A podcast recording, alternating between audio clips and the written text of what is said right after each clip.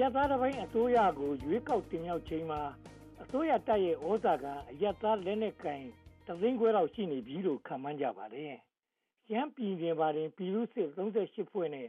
နေကြားဆောင်9ဖွဲ့ ရှိပါတယ်။စစ်အစိုးရတက်လာပြီး1989နောက်ပိုင်း တိုင်းရင်းသားတပ်ဖွဲ့တွေနဲ့ အပြစ်ခတ်ရစဲရာက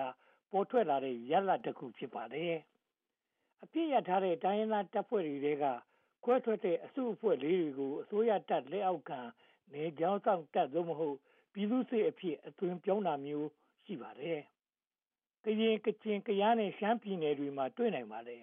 ။ကချင်ပြည်နယ်မှာနေကြားဆောင်တပ်၅ဖွဲ့နဲ့ပြည်သူ့စစ်၄ဖွဲ့ရှိပါတယ်။ကယားပြည်နယ်မှာနေကြားဆောင်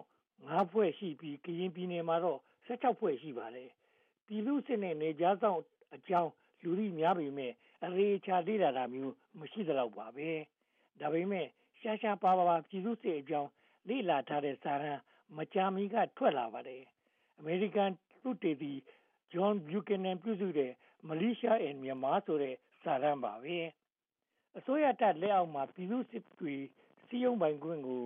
1974နဲ့2008ဖွဲ့စည်းပုံအခြေခံဥပဒေတွေမှာလည်း အသိအမှတ်ပြုထားပါတယ်။လွတ်လပ်ရေးနဲ့အတူ ကွန်မြူနစ်နဲ့ ကရင်တော်လှန်ရေး ပေါ်ထွက်လာတဲ့အတွက်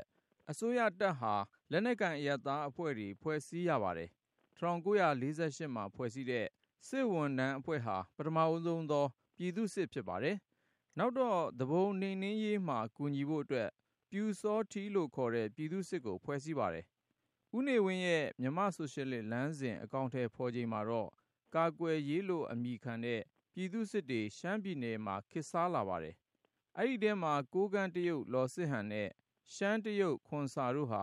မူရစ်ဆေးလုပ်ငန်းမှာ ထင်ရှားကြပါတယ်။စစ်ဆိုးရခေတ်မှာ မြောက်စားခံရတဲ့ ပြည်သူ့စစ်ခေါင်းဆောင်ဟောင်းတွေ ဖြစ်ပါတယ်။လော်စစ်ဟန်တီထောင်တဲ့ Asia War ဟာ အချမ်းသာဆုံး ကုမ္ပဏီကြီးတစ်ခု ဖြစ်လာပါတယ်။စစ်အစိုးရ တက်လာတဲ့1988ကစပြီး2009အထိ ဆယ်နှစ်အတွင်းမှာ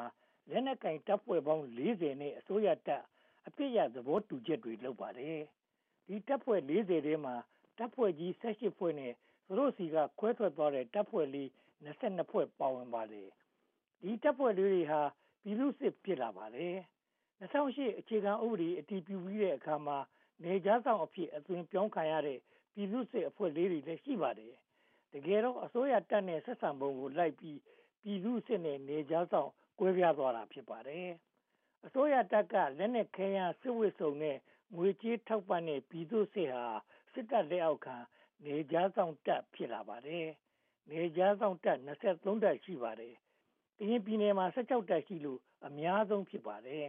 ။နေကြားဆောင်တပ်ဟာ အစိုးရတပ်ရဲ့ စစ်ဆေးရေးကို အကူအညီပေးပြီး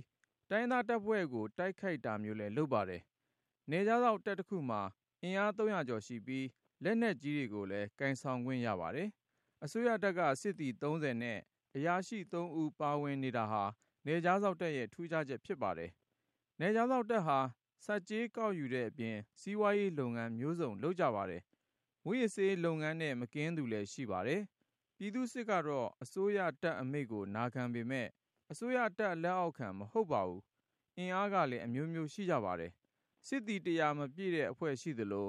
၄၅၀၀အထိရှိတဲ့ ပြည်သူစစ်လည်း ရှိပါတယ်။စစ်တပ်က လေ့ကျင့်ပြီး လက်နက်ပေးထားတဲ့ရက်ကျေးပြည်သူစစ်တွေလည်း ရှိကြပါတယ်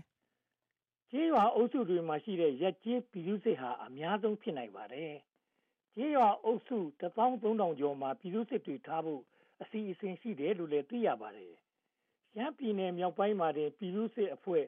400နီးပါး ရှိတယ်လို့ ရှမ်းသံတော်ဆင့်သတင်းဌာနက ခန့်မှန်းပါတယ်။စစ်ရုံးက ဗိုလ်ချုပ်မောင်မောင်အုပ်စုသူကတော့ ပြည်သူ့စစ်အင်အား8000ကျော် ရှိပြီမဲ့ 3000လောက်သာလက်နဲ့ကင်နိုင်တယ်လို့2010ကပြောကြောင်းသိရပါတယ်။ပြည်သူ့စစ်အင်အားကိုအထီးအကျပြောနိုင်သူမရှိတဲ့အတွက်အားလုံးခန့်မှန်းရုံလို့သာ